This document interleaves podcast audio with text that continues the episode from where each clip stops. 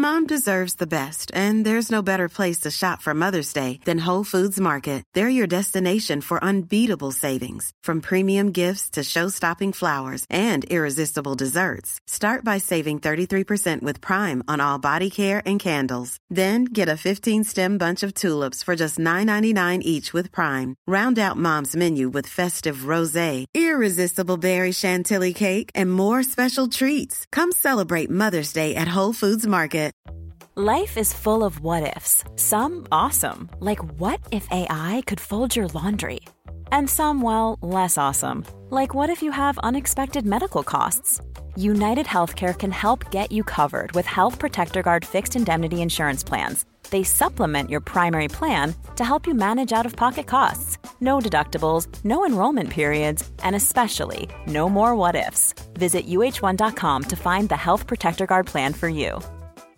Planning for your next trip? Elevate your travel style with Quince. Quince has all the jet setting essentials you'll want for your next getaway, like European linen, premium luggage options, buttery soft Italian leather bags, and so much more. And is all priced at 50 to 80% less than similar brands. Plus, Quince only works with factories that use safe and ethical manufacturing practices. Pack your bags with high-quality essentials you'll be wearing for vacations to come with Quince. Go to quince.com slash pack for free shipping and 365-day returns. Hei og velkommen til dagens episode. I dag har jeg fått meg enda en ny gjest inn i studio. Mitt virtuelle studio, og det som er så gøy, er at gjesten jeg har med i dag, føler jeg at jeg kjenner. Jeg føler at vi er gode, gamle venner som har hengt sammen så sinnssykt mange ganger før. Fordi jeg, A, jeg har hørt så enormt mange vakre ord om henne. Jeg har sett hun inspirere meg og andre mennesker, men også fordi at hun er en så en av Belindas beste venner. Og dermed kjenner jeg også på at hun er litt som min beste venn. Hvis man kan si det. Og det som er så magisk, er at i dag skal jeg få ha med meg selveste Victoria Goller inn i en samtale for å snakke om hvordan reise seg. Og hva skjer når du får rett og slett et slag i trynet av livet, og du har to valg. Du kan bli liggende eller reise deg.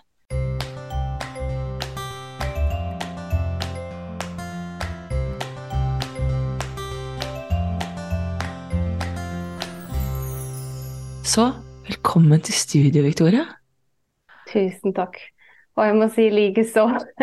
Jeg føler meg veldig sånn sitte og prate med en venninne. Vi har jo aldri snakket sammen før, men jeg har blitt så inspirert og så glad av å følge deg på, både her på podkasten og overalt, og ikke minst boken din. Så det er en kjempeære.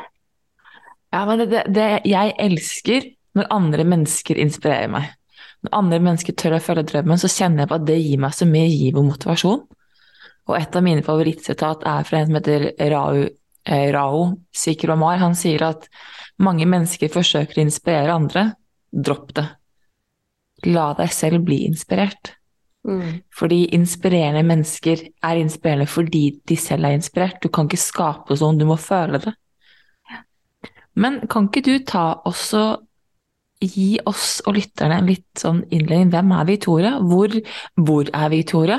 For du bor ikke i Norge. Hva driver du med? Altså, ja, hvem er du, og hvor, hvor er du? Det er jo det som er morsomt, fordi akkurat nå så ville jeg sagt at jeg er en livsglad, sprudlende dame som er mamma til tre fantastiske barn. Skjøt gullfuglen i en mann som forelsket seg i meg når han var 14 og gadd å vente til han ble 24.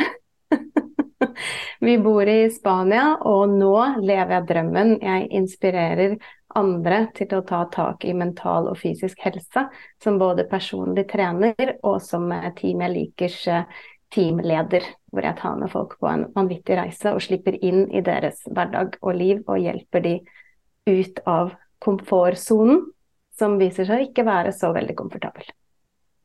Men du sier 'nå er jeg'. I dag er jeg. Hvor har du vært hen? Ja, ikke der. ikke der. Eh, jeg har vært eh, på en reise som alle andre i livet. Eh, og innom Jeg liker veldig å snakke om komfortsoner, for at vi blir jo liksom gående i en sirkel sånn, hverdagen. står opp og drikker samme kaffen og leverer unger og kommer hjem, og livet går litt sånn i sirkler. Og jeg har vært stuck, føler jeg, i tre forskjellige sirkler, da. Eh, som ingen av de ville jeg sagt at var sprudlende dame som gikk rundt i den sirkelen. um, så for det er ikke mer enn kanskje to år siden at jeg begynte å identifisere meg selv som en som smiler mer enn hun gråter, eller en som lever drømmen, eller overhodet hadde en drøm.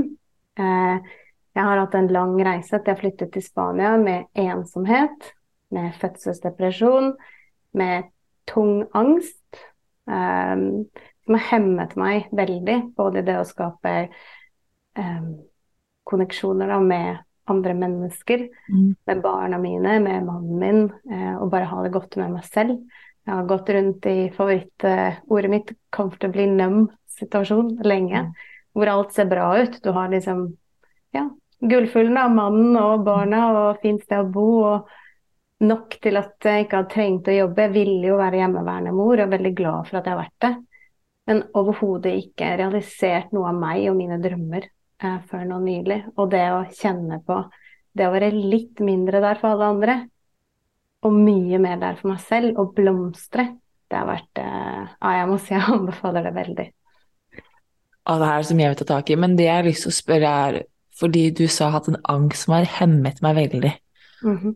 Og det tror jeg er noe veldig mange mennesker kan kjenne seg igjen i. Men for deg, hvordan har angsten hemmet deg? Altså, hva er det som Hvordan har den vært en Fordi, bare så det er sagt, eh, angst er jo en, altså er en, en diagnose, ja. men også en følelse. Ja. Å skille mellom den følelsen og diagnosen er jo når følelsen angst blir hemmende i hverdagen. Mm -hmm. Hvordan hemmet den deg?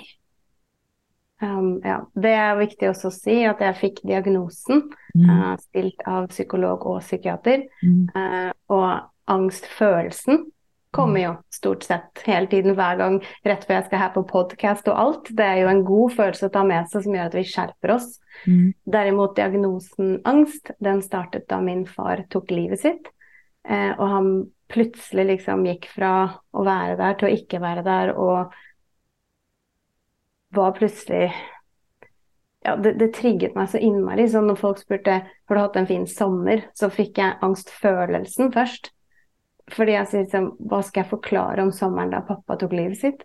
Eh, jeg begynte å unngå mennesker litt. Og det som er problemet, er Jeg tror, da Det er umulig å si om du mm. kunne endret uh, tiden som har passert, men jeg tror at hvis jeg hadde stått i den litt ekle følelsen, og mm. bare sagt at eh, nei, vet du hva, jeg har det ikke så bra, eller jeg kjenner på masse ekle følelser, faren min tok livet sitt i den sommeren f.eks., eller bare sto innenfor følelsene jeg hadde og kjente de helt ut, så kanskje ikke det hadde blitt så stort. Men det jeg gjorde, det var at jeg kjente at hjertet dundret, og så trodde jeg, eller at jeg rødmet, eller at man så at jeg hadde ubehag. Mm. Og alt det du fokuserer på, det vokser jo. Og jeg mm. fokuserte så fælt på den ekle følelsen at det mm. vokste og vokste. Så jeg begynte å Når jeg mennesker jeg kjente, gå mot meg, så snudde jeg. Og så begynte jeg ikke gå på T-banen, for der hadde jeg jo ikke noen mulighet til å gå ut hvis noen hilste på. Og så begynte jeg med å gjemme meg på toalettet på jobben. Jeg ler nå, det var ikke noe gøy da.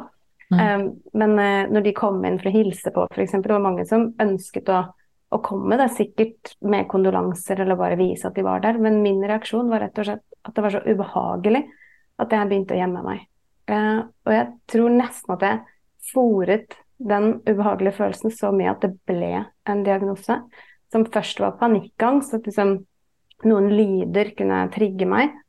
Eh, og så ble det full blown sosial angst. Og alle situasjoner hvor mennesker kom bort og så meg i øynene og sa hei, eh, fortell noe om deg, eller hvordan går det, eller hva som helst, trigget en angst som var så hemmende at jeg endte med å ikke klare å gå på jobb, på buss, på butikk. Ingenting.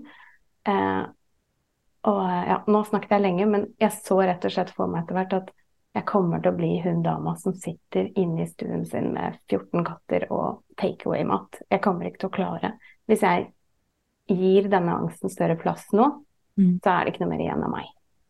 Men hva er det sånn for, for deg? Fordi for når jeg hører deg snakke, så hører jeg at det er nesten at du mister kontroll. Du, det er som at det som, den følelsen inni deg blir så stor, da. Mm. Og jeg kan jo Du må gjerne Altså, jeg liker så godt Brené Brown sin definisjon av sorg. Mm. Hun definerer, hun definerer sorg som en kombinasjon av tre ulike følelser. Mm. Du har tap, eh, altså følelsen av å miste noe, rett og slett. Ja. Eller miste noen, da. Og så har du lengsel. Lengsel etter det som var, eller det som kunne ha vært. Mm. Og så har du en enorm tristhet i bunn. Mm. Mens med et selvmord, da, så for deg så er det jo et sjokk i tillegg. Mm. Eh, og det å skulle sitte For meg, min opplevelse er at det er enormt mye skam rundt det. Mm. Og den skammen Altså, skam er den følelsen som jeg syns er verst. Mm. Altså, altså, den er så fin å snakke om, og det høres altså, Jeg kan se video på video folk som snakker om skam, men Mm. når jeg sitter i min egen Victoria, Mm. det Jeg tror jeg er på vei til å dø hver gang. Ja. Det er en grusom følelse. Det er helt, helt jævlig. Skam var jo en følelse som jeg har tatt med meg uh, fra barndommen. Mm. Fordi eh, Jeg vil ikke røpe sånn altfor mye, men eh, min far hadde en historikk som fulgte oss fra barneskolen, eh, som hele tiden hang ved, som Mm. kom i drypp, som, som påminner om at du må bære fortiden til en annen person, noe du aldri kunne gjort noe med, men du må stå og ta imot andres meninger om et menneske du ikke kan noe for hva har gjort. Mm. Og den skammen, den var så ubehagelig, og den gjorde at jeg fikk em, et veldig vanskelig forhold til ja, mange familier, egentlig. Både fordi at alle takler ting forskjellig også. Mm. Eh, noen, sånn som meg, har veldig behov for å snakke om ting, og så Mm. forstå ting og bearbeide. Mens andre, som har like mye rett til å føle slik de føler, har kanskje behov for å gå inn i seg selv og ikke snakke om det, og ikke ønsker å trigge denne følelsen. Da. Så den skammen, sammen med det at jeg aldri helt fikk snakke om det, Mm. gjorde jo også, som du sier, med de tre sorgprosessene, at når pappa døde, så var det så mye ubesvarte spørsmål Mm. eh, som alltid liksom blir liggende der. Mm. Og den lengselen etter det som aldri kom til å bli. For jeg drømte alltid om at vi bare skulle få det derre far og datter-forholdet hvor han skulle være der for meg og se at det som er viktigst, er kjærlighet og tid, og ikke karriere og penger eller å være borte. Mm. Og det å slippe det også, sammen med den esken av skam som jeg satt igjen med, Mm. Um, og jeg må svare for det. Hvorfor tok han livet sitt? Hvorfor gjorde han alt det han gjorde? Hvorfor så, så kombinasjonen tror jeg rett og slett ble for mye for ei lita jente på 20. Du, det er interessant, for du har jo lest boken 'Bedre på livet', ja, og der deler jo jeg min historie for første gang. ja. Kjente min, i, om, i mitt forhold til min far, og hvordan den skilsmissen som vi går igjennom der, eh, eller familien går igjennom, da, hvordan Mm. den påvirker meg og mitt, mitt liv. Og den følelsen av den lengselen etter det som aldri ville bli, det å forstå at det, å gi, det, det føles som om du gir slipp på en drøm. Ja. Og for alle de som Og det her kan komme opp i om det er i brudd med kjæreste Mm. eller andre mennesker, så er det den der enorme lengsel etter den farsfiguren du aldri fikk, da. Og det for meg var så enormt skambelagt at Mm. jeg som datter, da, har ikke vært god nok, og jeg har jo overkompensert i tusen. Som er noe av det jeg har lyst til å spørre deg om, er jo fordi at du sa at du må bære ansvaret på dine skulle du bli stilt til ansvar for hans død. Det ansvaret i seg selv må ha vært enormt vanskelig for en jente Vi har nesten vært like gamle da det- skjedde, altså 20 år. Altså, hvordan Når du ser tilbake i dag, hva ser du i den 20 gamle jenta? Det er jo det som jeg innledningsvis eh, fortalte deg om, at jeg har vært i tre forskjellige komfortsoner, Mm. og at ikke alle nødvendigvis er komfortable. Mm. Uh, og det er veldig nylig at jeg skjønte at jeg satt fast i en veldig vond komfortsone. Der hvor jeg var komfortabel med å være med mennesker som ikke helt så meg. Ved å være med mennesker som eh, brutte løfter. Eh, ved å være med mennesker som ikke nødvendigvis eh, gjorde at jeg følte meg verdifull.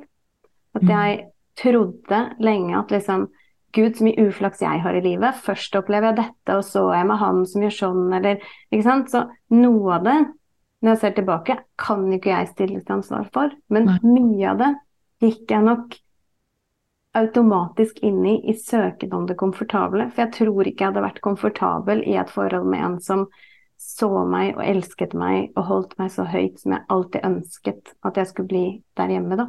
Og aldri ble. For da blir jo sorgen større. Så jeg tror jeg holdt meg i den sonen der jeg ikke var verdt mer enn som så, for å ja, rett og slett slippe å føle. Men det er jo jeg Altså, jeg tok meg i løpet av det året her hvor jeg skjønte at så mye dritt du sier til deg selv, Mm. det er så mye dritt du er villig til å ta imot fra andre mennesker. Altså, du setter standarden Mm. hver gang. Mm. Og det er når de bikker den grensen av dritt du sier til deg selv, det er da du begynner å kjenne på at oi, dette er ikke greit. Mm. Men det samme handler med kjærlighet. Hvor mye kjærlighet du er veldig villig til å gi til deg selv, da. Er Mm. så mye kjærlighet du klarer å ta imot for andre før du begynner å overkompensere. Ja.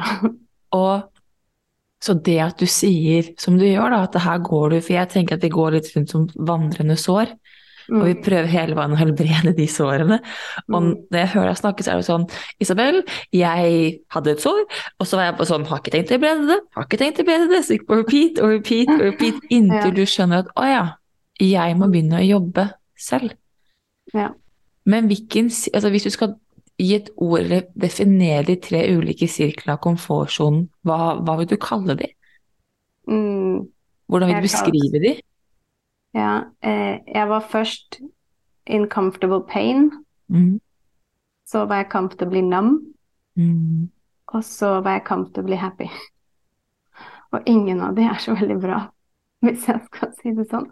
Jeg tror man må hele tiden ut, i, ut av komfort og ut i nytt, og hele tiden, uansett hvor bra alt er, ut og få deg selv. Fordi det er der ute du vokser. Det er hver gang du feiler at du vokser, det er hver gang du tør noe du ikke turte før. Det er hver gang du sier ja til noe du kanskje liksom gruer deg litt til, sånn som å være med her, eksempel. At hver gang så vokser vi, og mitt nye min nye rus, da, det er å bare si ja, ja, ja, ja, ja, og bare prøve alt. Fordi at enten prøver du, og så gikk det ikke så bra, eller så lærte du noe nytt, eller er det leder deg videre. Og foreløpig så har det bare ledet meg på en helt fantastisk morsom reise. Hva er forskjellen på det du kaller for comfortable pain og comfortable numb? Um, I pain så var jo jeg mest komfortabel hvis det gikk sånn som jeg forventet. Ja. Det er liksom um, Ja, han kommer sikkert til å være utro, eller han kommer sikkert til å eh, være liksom veldig sint, eller han kommer sikkert ikke til å elske meg, eller han kommer sikkert aldri til å flytte sammen med meg. Og så får du rett, og så er det så deilig å få rett. Og så kan du grine litt, og så kan du gå til venninnen. Ikke sant? Sånn hele tiden ønske nesten å, å være med folk, egentlig, som ikke var så bra for meg. Og jeg visste det jo, men jeg ville på en måte ha rett på at jeg ikke får bra mennesker inn i livet. Jeg vet ikke. At jeg liksom skulle kjenne igjen, da. At det skulle være litt vondt. Gå inn for å bli såret. Eh, comfortably innom, er jo når jeg sitter i eh, leiligheten jeg ønsket meg, i landet jeg ønsket meg, med mannen jeg elsket, med barn, med alt. I rollen som hjemmeværende mor, som jeg alltid ønsket, fordi nettopp jeg ikke hadde kanskje så mye hjemmeværende foreldre som jeg ønsket, da, ville overkompensere ved å ikke gjøre noe for meg selv, bare sitte og være mamma. Eh, og jeg var jo fornøyd. Men jeg var helt nummen. Det var liksom Ja, livet mitt er eh, skifte bleier, tørke gulp, trille, lage middag, ta påsken, trille. Eh, spør du meg hva er drømmen din, så er det nei, dette tror jeg. Er det hva interesserer du deg for? Mm, jeg vet ikke. Bleiestørrelser. Altså, det var sånn Jeg hadde ikke noe, hadde ikke noe mitt, da. Sånn, hvis du spør det irriterende spørsmålet når du sitter i den situasjonen Hvem er du egentlig, hvis ikke du er mamma? Det er sånn Jeg vet ikke. Ingen. Ikke noe. Et hjerte som banker, liksom. Ingenting.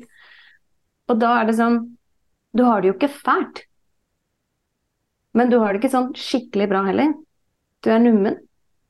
Mm. Så du, det beste som kan skje deg, er at du tryner. For da må du reise deg.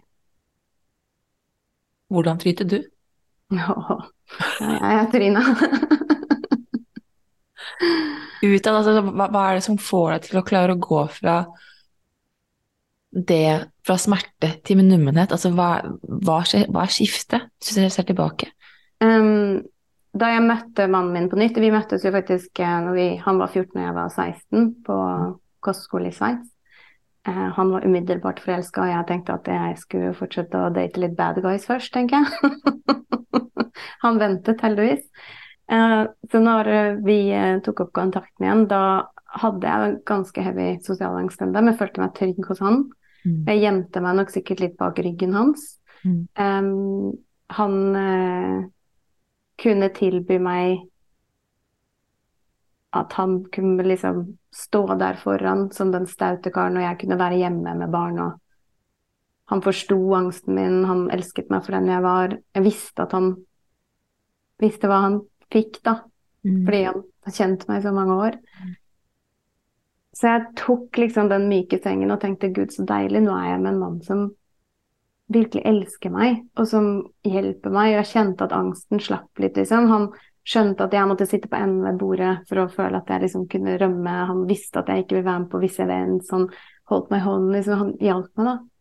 Um, og så tror jeg bare slo meg sånn til ro i at her er det trygt.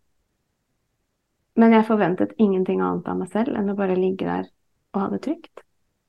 Og hvis det, du ser for deg at jeg hadde satt barnet mitt på et rom og servert mat og vann og holdt det trygt Han har det trygt. Han lever ikke et liv. Livet er ikke å sitte og være trygg.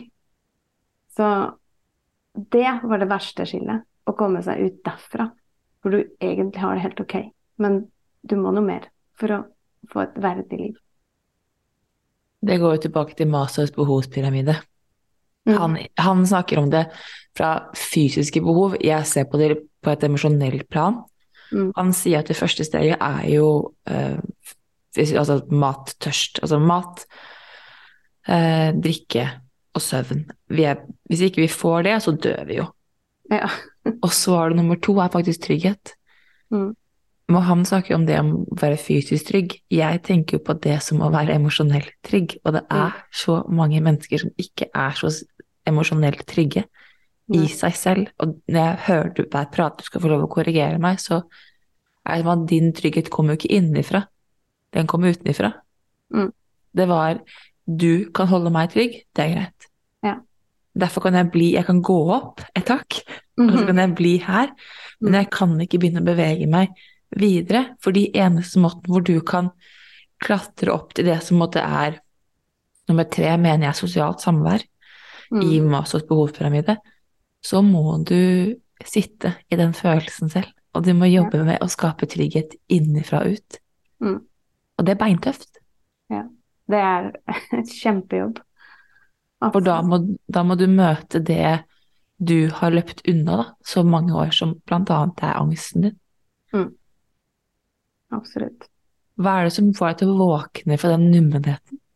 Hva vekker Victoria? Fordi akkurat nå så har jeg hørt om en sånn spøkelsesversjon av deg, og så har jeg hørt om at den overkompenseringen um, om at jeg skal gi mine barn det jeg selv ikke fikk.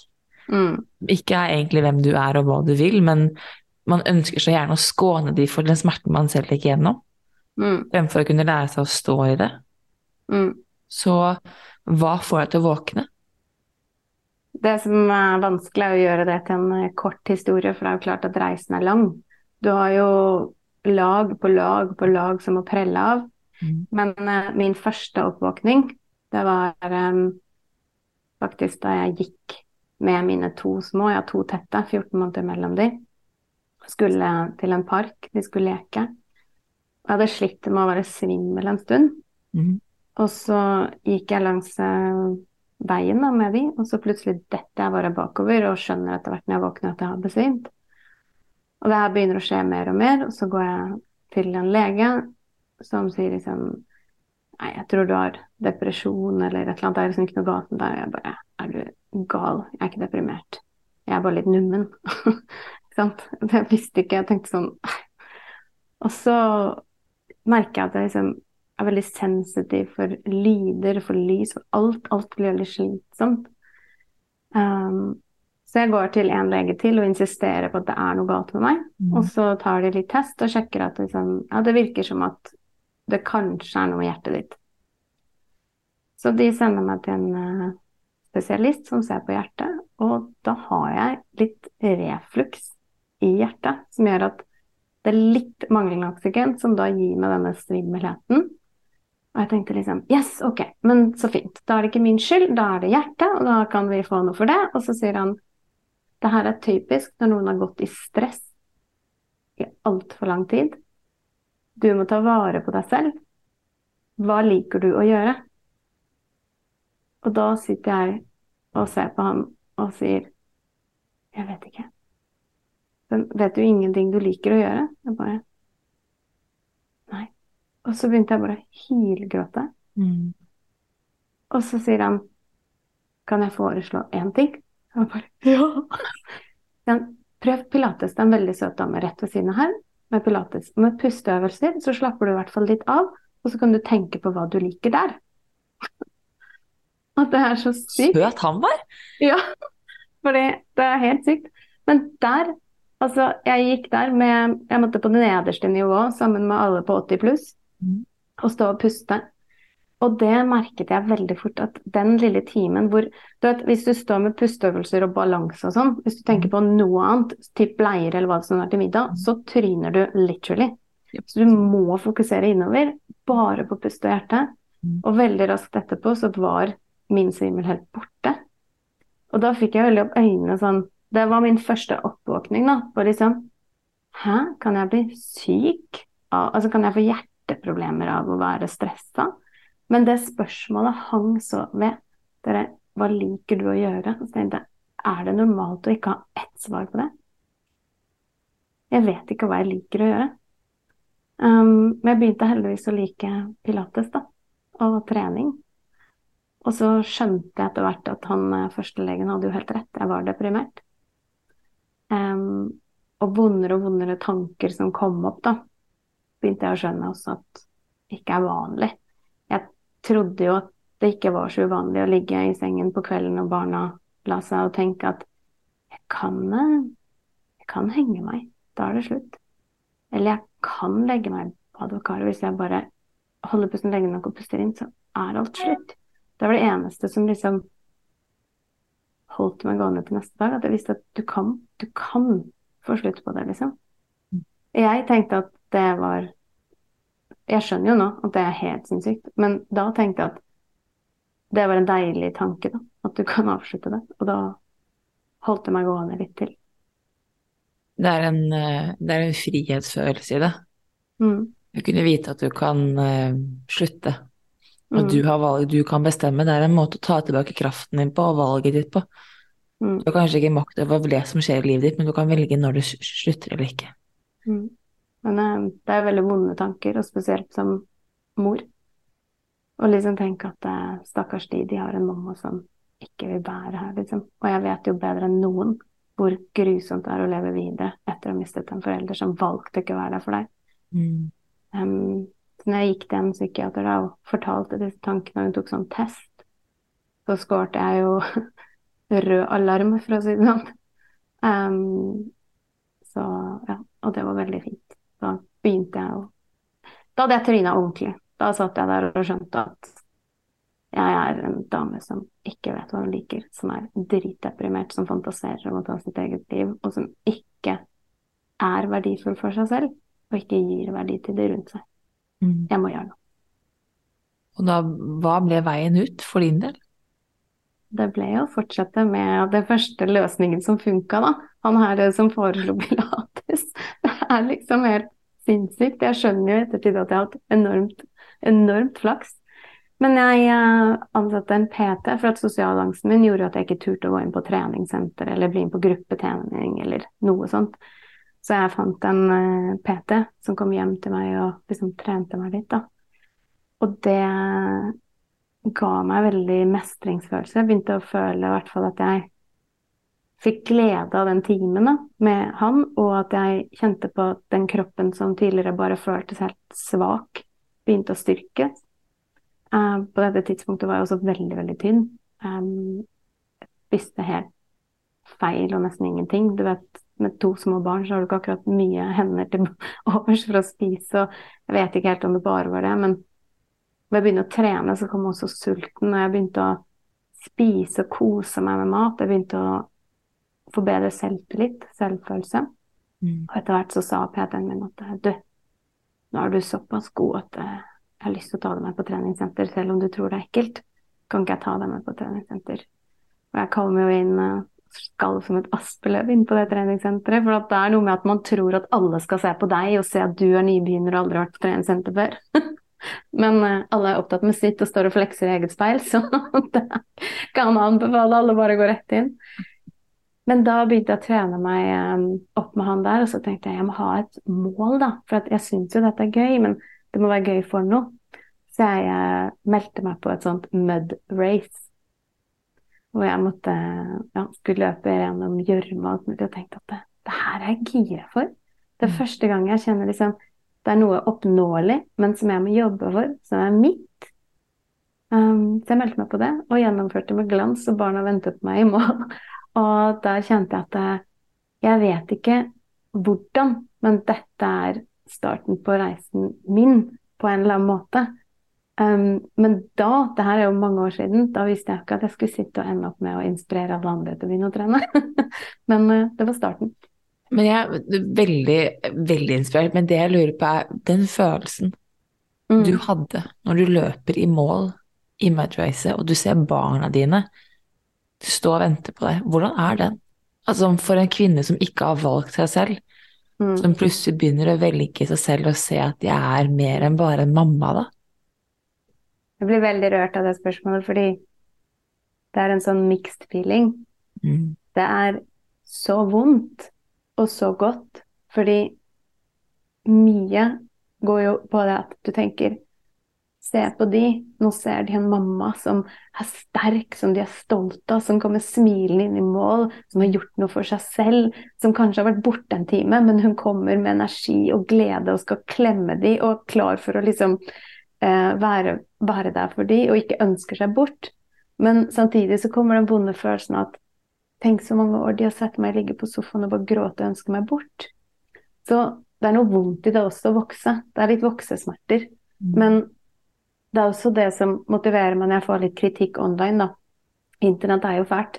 Når folk sier 'herregud, at du stikker ut og løper mens barnet ditt er hjemme', eller et eller annet sted. Vet du hva?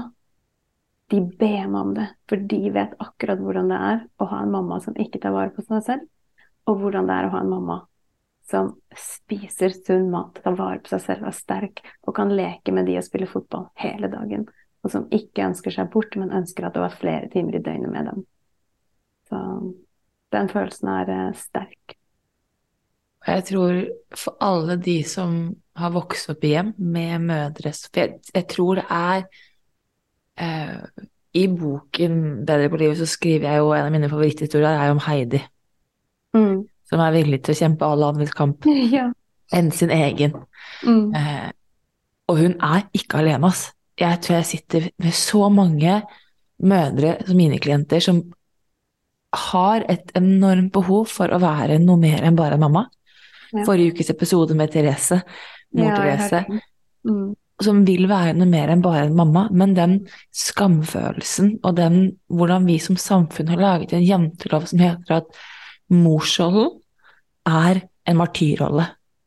Mm. Når du blir mamma, så mister du all form for egenverdi. Eh, inntil barna er gamle nok og de flytter ut. Da, da er det liksom tilbake igjen. Mens Og det på en måte er greit, da, men som du sier, de har jo sett hva det vil si å ha mm. en mamma som har levd mm. den utrolig snevre versjonen av deg, da, for å passe inn i det bildet i jenteloven. Mm. Jeg har jo hatt samtaler med barna om det her i ettertid. Han midterste var så liten når jeg mm. begynte på Jeg fikk jo også antidepressiva på et tidspunkt sånn på vei ut, men eh, hans største vet hva det vil si å ha en deprimert mamma. Og det hører til historien at jeg fikk jo en tredje eh, lenge etter, når jeg virkelig var frisk og glad og klar og var en mamma som hadde tålmodighet, som smilte og lo, og som liksom Ja, selvfølgelig, det er alltid tøft å få en baby, det er ikke det, men, men så tenkte jeg over at han må jo se det. Mm. Han må vite at herregud, når jeg var liten, så var ikke mamma sånn. Mamma lekte ikke sånn med oss. Eh, hvorfor gråt mamma? Og så leste jeg en kveld om at barn er hypersensitive for følelsene til foreldrene, og de vet at når noe endres. Og det er umulig å leve som deprimert i et hjem uten at barna merker det. Og når barna ikke får en forklaring, så lager de historier selv. Og den eneste logiske forklaringen for dem var at det må vel være min skyld. Mm. Og når jeg leste det, så knuste hjertet mitt. Altså, nesten sånn, Jeg ble kvalm faktisk av sorg. tenkte jeg, Tenk om barnet mitt tror det er hans skyld at jeg var deprimert. Så jeg hadde den samtalen. Det var så vondt og sårt. Jeg sto og pusset tennene hans dagen etter, og så så jeg på ham og sa Merker du at mamma er eh, veldig glad mamma til hun minste? Ja. Husker du at mamma var litt lei seg, mamma, når du var liten? Og så sier han ja. Og så sier jeg, vet du at det ikke er din skyld? Og så sier han ingenting og bare gråter. Og det var så vondt. Så sier jeg, se på meg nå. Jeg visste ikke hva jeg skulle gjøre når jeg ble mamma. Du var min første. Og jeg ville så gjerne være den beste mammaen, og jeg trodde at det å sitte der med deg dag inn og dag ut og ikke ta vare på meg selv, var å være den beste mammaen. Og da ble jeg så sliten, og jeg mistet gløden. Men du lærte meg at det ikke er riktig. Og takket være deg så har jeg fått en sjanse til til å være en mamma som tar vare på seg selv. Og nå har jeg det bra. Og det var ikke din skyld. Og det løsnet så mye. Det er et nytt barn etter den samtalen. Det er det vondeste og verste og kvalmeste jeg har gått inn i. Og skulle liksom si at jeg har gjort feil. Men jeg vil si at det er det viktigste øyeblikket jeg har hatt som mor. Å faktisk innrømme overfor han at jeg vet at du hadde det annerledes som baby enn det hun har fått. Og det er ikke din skyld. Ja. Wow. Altså, jeg tårene renner. Du, jeg er Wow. Og jeg sier wow fordi det er så mange som snakker om det. De kan si at ja, men jeg kan ta ansvar for det jeg gjorde som forelder. Jeg vet at hadde jeg visst bedre, hadde jeg gjort bedre. bedre. Men det å møte sitt barn mm. i deres opplevelse, mm. I deres følelse, og hva det dere den, ja. Å klare å stå i ditt eget ubehag, er ja. beintøft. Altså, det er bare den ta tanken på den smerten du må ha stått i, å kunne holde ham mm. samtidig som du skal holde deg selv mm. som mammaen hans, da. Mm. Jeg klarte ikke å holde meg selv, jeg gråt som en gal, men jeg tror det er fint egentlig at de ser følelsene også. Um, og det kommer veldig av det at jeg hadde et sår så lenge, da. Mm. Som jeg til slutt bare måtte skjønne at det kommer aldri til å gro, jeg må glemme det. På at jeg ville ha svar fra pappa. Eh, hvorfor dro du? Hvorfor valgte du som du gjorde? Hvorfor var ikke kjærligheten til oss nok til at du ble? Hvor, ikke sant? Alle disse spørsmålene. At jeg klandret meg selv hele livet, tror jeg. Mm. Um, og tenkte liksom Er ikke vi nok? Og spesielt etter jeg ble mamma også, tenker liksom Men de holder meg i live gjennom alt. Og så tenkte jeg jeg kan ikke påføre barnet mitt et sånt sår. Han må vite at det er ingenting galt med deg. Du er det mest perfekte barnet jeg vet om. Altså, han er helt enestående. Og så sitter han der og merker at Men mamma var ikke sånn med meg. Det er jo helt forferdelig. Så ja.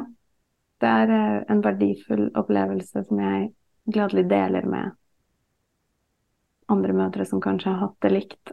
Fordi eh, det er veldig verdifullt. Jeg tenker jo det at du tør å vise følelser, er en måte å holde deg selv på. Mm. For det er noe med det at, som du sier selv, barn er ekstremt sensitive. Mm. Ekstremt Altså som du sier, de plukker opp, da. Og så lager de egne tanker, og så egne teorier. Og de Mm. kan jeg garantere at det er verre enn de sannheten Ja, ofte. Ja. Um, men det at han kan se at mamma mener det hun sier Mm.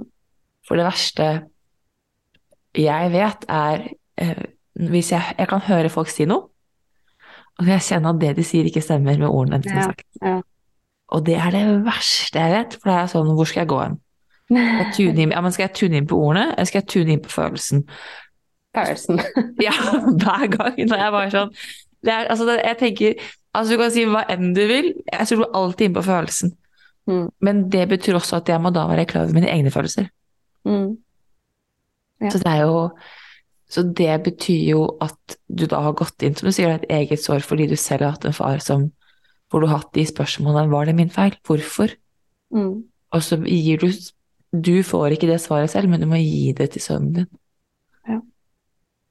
Nei, det var veldig Det var veldig vondt og veldig godt. Jeg er veldig glad for at Veldig glad for at jeg gjorde det. Selv om det var skikkelig ekkelt, for da må du innrømme Det er veldig ubehagelig å innrømme at jeg var ikke sånn som jeg ønsket jeg skulle være som mor. Fordi den viktigste rollen jeg har i livet, er Og den eneste rollen jeg hadde da i livet, var å være en god mor.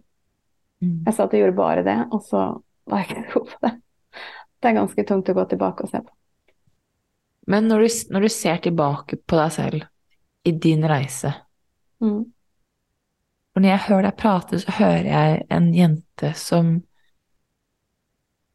egentlig forsøker så best hun kan, da. Men som bare ikke vet veien ut. Altså som bare har Ja, ikke vet veien ut, ikke vet egentlig noen ting, da. Mm. Og som Nå skal du få lov å korrigere meg, men tenker hele veien at det er min feil. Mm. Det er noe galt med meg. Mm. Det er meg som jeg må, jeg må Jeg må gjemme meg. Det er noe galt med meg. Og den følelsen av å være at det er noe galt med deg, det er noe av det vondeste, i hvert fall jeg personlig kjenner på. Um, og spesielt etter min eget sår, egen relasjon til min, min far, var jo at jeg tenkte hva kunne jeg gjort annerledes? Mm. Den, det jeg gikk mye tilbake, og jeg gikk mye i den lengselen hva hvis? Mm. Og det er en enorm farlig tanke å gå inn i. Mm. For jeg tenkte, hva hvis jeg hadde? Hva hvis? Og det Så når jeg, jeg ser tilbake på meg selv, så ser jeg en jente som er så lost i seg selv, og som tror at eneste svaret er å fikse.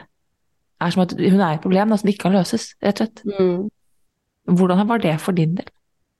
Følelsen av å være feil hvis, du, hvis jeg skulle vist deg en kake og skåret ut stykker der hvor jeg har følt meg feil, så kan jeg liksom bare gi deg kake og så kan jeg ta litt av toppingen for meg selv. Der jeg har følt at jeg er rett i følelsene mine, i måten jeg er på. Ikke det er noe gærent med meg. Altså det er sånn, det er Du vil ikke se på den kaka at noe er tatt fra den. Alltid følt meg feil. Jeg har vært den i familien som eh, føler mest og sterkest og høyest, som har mest behov for å snakke om ting om og om og om igjen. Ingen andre trenger å snakke om ting. Og jeg har liksom vært eh, ja, den som er litt sånn annerledes, da. Ikke passer kanskje helt inn. Stikker seg ut, ikke sant. Alle andre er gutter, fire gutter, hun ene jenta, åh, ikke sant. Så jeg har alltid vokst opp og følt at eh, åh, jeg må, jeg må legge litt lokk på de der følelsene. Jeg må, jeg må ikke gråte hver gang jeg forteller noe rørende. Jeg må bare ikke sant? Jeg må ikke snakke om kjærlighetssorgen min, jeg må bare svelge den. Jeg må ikke snakke om skammen, jeg må bare svelge den. Um, og det har jo gått eh, irriterende igjen i vennskap og alt. Og så er det litt vanskelig å reflektere om liksom, har jeg søkt etter vennegjenger der jeg ikke passer naturlig inn, fordi jeg har hatt på meg en maske som gjør at de tiltrekkes av meg, og så må jeg hele tiden ha på den masken, for hvis jeg tar den av, så avslører jeg at jeg passer ikke inn her. Eller passer jeg bare ikke inn noe sted, og så må jeg ta på meg en maske for å forsøke, liksom. Så jeg har liksom hele tiden vært sånn Fader, ass, jeg kan ikke være meg selv. Jeg kan aldri være helt meg selv. For jeg er litt teit, jeg er litt høylytt, jeg er litt mye. Ikke sant? Mm. Og den følelsen er utrolig ubehagelig, som du sier, å sitte med sånn alltid. Mm. Og når jeg først ble tilbudt eh, jobben her på Team jeg liker, da, så måtte jeg på en Snapchat-konto med ganske mange følgere. Mm. Og da har jo jeg fremdeles maske på. For jeg har mm. fremdeles ikke funnet egentlig noe annet enn hjemme her hos mannen min, så er jeg my silly goof self, og det er mm. så deilig befriende. Men ellers så har jeg liksom funnet venninner her som er britiske, veldig fine sånn Så jeg må ta på meg den der fine fruemasken. Og med en gang jeg begynner å snakke om uh, ting som jeg liker å snakke om, så merker jeg at jeg må legge litt lokk. Um, så når jeg får den jobben også, og skal ut i offentligheten, da, så har jeg på en maske som er så stiv at ingen connecter til meg. Så det tar jo en stund, og jobben min er på en måte å motivere, eh, få folk inn på laget, være med på teamet. Sant? Mens jeg sitter med en sånn perfeksjonsmaske som er helt umulig for folk å relatere seg til. Mm. Så møter jeg Belinda fordi at hun som ansetter meg, Anette Marie, for å være teamleder på Team jeg liker, sier du, Belinda bor en time unna, kanskje hun kan være din første sånn kunde, liksom? At du viser deg som trener. Og i møte med Belinda så blir man jo pusha greit da, til å få av den masken og være seg selv. Og med henne så fikk jeg være meg selv fra første dag og liksom kjente sånn Hæ? Jøss, hun passet jeg med, liksom. Og så begynte jeg å være litt mer naturlig på Snapchat òg. Og jo mer jeg var helt åpen, jo mer ufiltrert, jo mer teit, jo mer meg, jo mer kom tilbake. Og bare kom og kom og kom og kom tilbake med historier og folk som kjente seg igjen, som syntes det var deilig å se en annen som er like teit som dem, som danser på badet om morgenen, som liksom ler av sine egne vitser. Og da følte jeg sånn Jøss, jeg blir akseptert som meg. Og da gjør jeg sånn som i boken deres, da på siste side omtrent, så står det sånn Finn likesinnede mennesker, vær åpen for å finne de likestillende menneskene, så kommer de til deg.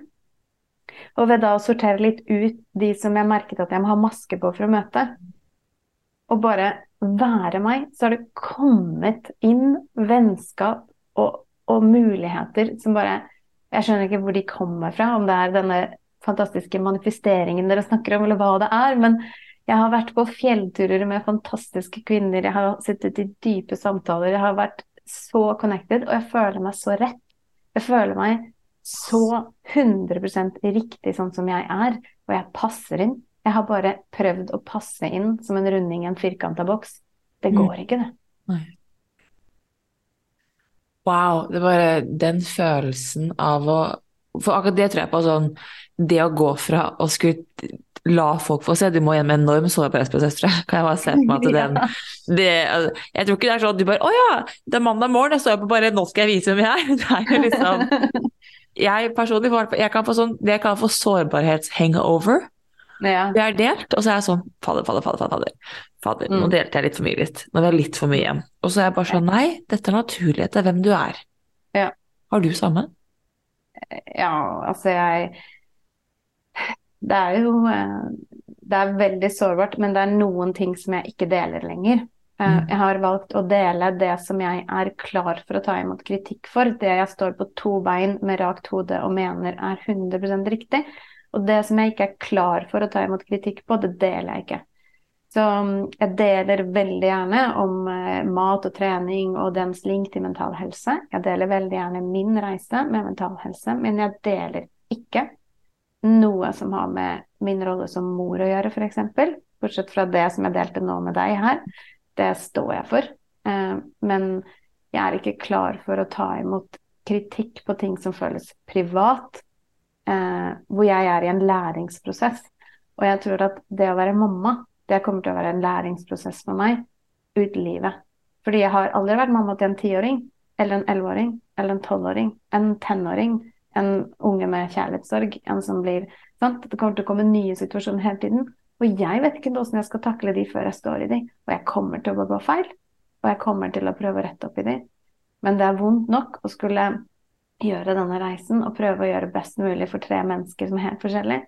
Om ikke jeg skal dele det og få kritikk utenifra, Fordi mammapolitiet, de er, eh, de er ikke noe interessert i. Så jeg har funnet de tingene som jeg tenker at er verdifullt for andre, som jeg samtidig tåler kritikk på. De deler jeg. Og der er jeg helt meg. Og så har jeg funnet de tingene som jeg er nødt til å gjemme bort inni min lille private sfære, og den holder jeg for meg selv. Det der tror jeg kanskje er noe av det beste jeg har hørt i hele dag. Altså, du har sagt mye bra, Victoria. Men det der, fordi for meg så, så er det bare du sier, at jeg har satt grense. Mm. Og jeg, jeg leste Brené Brown skrev det, og hun sa at jeg deler ikke noe offentlig før det selv er ferdigprosessert i meg. Jeg kan ikke dele noe, jeg kan ikke stå der naken, fordi for alle som lurer, så er det å dele sin egen historie så Det er som rett Min følelse, da, er jo å stå Det er som å kle meg naken på en stadion, Mm. fullsatt stadion, som skal la folk få se deg. Mm. Nå skal du få se hvor eh, teit eller rar eller Mm. Og utsetter deg selv for angrep, og da kjenner du på at ok, men jeg er ferdig prosessert. Det er ok for meg. Ja. Det tenker jeg er så viktig, og det kjente jeg på at ok, fordi jeg selv er ferdig prosessert i eget sår med min relasjon til min far, så var det greit. Det gikk ikke at det ikke kommer opp ting, men, men det var greit. Men mange andre ting, nei. For det handler om å verne om meg. Og jeg tenker det er så viktig, som du sier, at fordi at hvis jeg bare Jeg ser bare for meg at din reise handler om å bli kjent med deg selv og finne deg selv igjen. Mm. Det handler om å ta dine, ta dine behov på Mm. alvor. Mm. Og da ha noen å verne om det behovet, for du har jo Nå skal du igjen korrigere meg, men jeg bare Min opplevelse av din historie er at du har hatt en tendens til å velge mennesker hvor du ikke har vernet om deg selv. Så nå har du endelig funnet en lidenskap hvor du lar den grensen komme naturlig, da. Mm. Jeg syns det er helt nydelig. Ja, så har jeg funnet tilbake til den gamle drømmen. For jeg tror alle hadde en drøm som liten jente eller liten gutt, og så er det noen du er glad i som sier at det er en teit drøm, drøm om noe annet. Jeg drømte alltid om å være journalist, da. Jeg så for meg at jeg skulle liksom fly ned og prate med kvinner som hadde gått på underjordiske skoler i Afghanistan for å lære seg å lese, og liksom Jeg bare så for meg liksom Jeg skal, jeg skal jeg skal liksom fortelle alle kvinner om dette, og jeg skal intervjue mennesker, jeg vil komme tett på dem, og jeg skal formidle. Det var alltid min drøm, men, men jeg fikk på en måte valget av pappa. Sånn. Velg lege eller advokat, OK? sånn, journalist er teit, så jeg endte jo med å bli ingen av delene. men, um, men uh, når jeg um, Under pandemien så var det en app som var sånn veldig short-lived og veldig populær, som het Clubhouse. Og der inne så kunne man liksom åpne rom uten at noen så det. Så kom bare stemmen din ut, og så kunne folk komme inn på rommet og lytte, da. Så jeg var inne der og lyttet, og så ble jeg invitert opp på scenen, som det heter, og så fikk snakke litt, og så merket jeg sånn Jøss, folk liker å høre litt sånn det jeg sier. Og så, siden de ikke ser deg, for mitt problem med angsten har ofte vært en sensasjon av rødming, eller at du ser jeg skjelver. Så bak skjermen med bare stemmen min, så turte jeg å gå på scenen. Eh, og da begynte jeg å ha masse rom om dette med både sosial angst og om, Altså, jeg hadde et utrolig bra rom, for å bare si det selv. men jeg hadde utrolig mye bra temaer. Men, jeg kjente liksom wow, det kom hundrevis av mennesker inn på rommene mine og hørte på meg snakke, og da var jeg sånn herre Oi, stemmen min Folk vil høre på meg. Og det her var, det her var drømmen min. Um, kanskje jeg kan lete tilbake til den originale drømmen, men det er kanskje litt sent å bli journalist, liksom. Og nå har jeg tre barn, jeg kan ikke reise til Afghanistan og la ungene ikke sant? Det er litt som hun Heidi du snakket om i boken, så jeg kan liksom ikke redde alle andre. Men så skjedde noe utrolig gøy som jeg vil anbefale absolutt alle som lytter her, å gjøre. Jeg gikk tom for temaer. Så jeg gikk på elskede Google, og så tastet jeg inn 'hard questions to ask yourself'. Fordi jeg tenkte og jeg skal hoste liksom, et rom og få folk til å svare på vanskelige spørsmål om seg selv. Det er det beste Google-søket jeg har gjort i hele mitt liv, og det endret så mye. Og det ledet meg ut av 'comfortably numb' til 'comfortably happy'. Den linken heter 21 hard questions to ask yourself. Og først så leste jeg bare gjennom de, men når jeg da stilte disse spørsmålene til andre, så begynte jeg å reflektere på egne svar. Og så tenkte jeg av en eller annen grunn sånn Det her føler jeg at er noe som jeg må gå ordentlig inn i. Her finner Det, sånn, det er puslespill som er bare et eller annet som skal på plass med disse spørsmålene. Så spurte mannen min, den fantastiske mannen min, kan ikke vi ta syv og syv eh, tre kvelder på rad og skikkelig gå gjennom de? Og det han er med, vet du. Og i de 21 spørsmålene så var det seks spørsmål som endret alt for meg. Og det første, det var Hvis du ser for deg selv på en scene, og du sitter i publikum og ser på deg selv, um, er du stolt? Eller ville du endret noe med den personen? Og umiddelbart så er jeg sånn Å, så stolt. Hun har vært hjemmeværende mamma, akkurat som hun elsker alle, gjør alt for alle. Ikke sant? Sånn, å, så fin og flott hun er mot alle. Og så leste jeg spørsmålet sånn om jeg ville endret noe med henne, om jeg er stolt. Sånn, hun har jo ingen drømmer. Hun har ikke gått for drømmen sin. Hun har ingen karriere. Hun har ikke gjort noen ting. Hun har ingenting å slå i bordet med sånn Hun har ikke sånn Å, jeg jobber mot dette. Hun har ingen mål. Hun bare står opp mandag, tirsdag, onsdag. Samme. Så jeg tenkte litt sånn herre OK, jeg er stolt, liksom. Jeg kunne jo vært stoltere. Det er, det er mer potensial i henne. Jeg ville jo sagt til henne Hei, alt det potensialet ditt, hva skal du med det? Så det var det første. Og så eh, var det Hva gjør at du føler deg oppspilt, glad, skikkelig i livet, da? Og da var jeg sånn Det er jo treningen. Sånn, er det mitt teite svar? Jeg bare, ja, det er det. Det er da jeg føler meg sånn skikkelig bra. Og så var det um, Er du for hard eller for snill mot deg selv? Og jeg bare Altfor hard mot meg selv.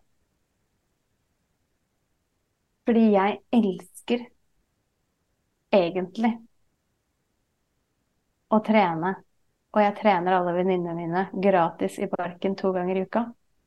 Hvorfor gjør jeg det gratis? For jeg tror ikke at jeg er verdt noe mer enn at de stiller opp hvis jeg gjør det gratis. Jeg tar ikke betalt for jobben jeg gjør, for jeg tror ikke jeg er verdt tre euro. Jeg går ikke og tar den jævla utdannelsen jeg har drømt om, for jeg tror ikke at jeg kommer til å fullføre. Jeg skuffer nok meg selv. Og så disse her sammen bare begynte å gjøre sånn Jeg bare Hva er det jeg driver med? Jeg vet hva drømmen min er. Jeg vet hva som gir meg passion. Og jeg er altfor streng mot meg selv, og jeg tør ikke å gå ut i tilfelle jeg feiler. Så derfor comfortably numb. Jeg satt og bare gikk ikke videre. Så det Men ja, ja, du bør legge igjen linken til alle 21. Alle bør gå gjennom dem, for det er um, det siste spørsmålet som dreper deg helt, er er du en god venn mot deg selv? Og da er du sånn Nei, jeg snakker ikke sånn om vennene mine, faktisk.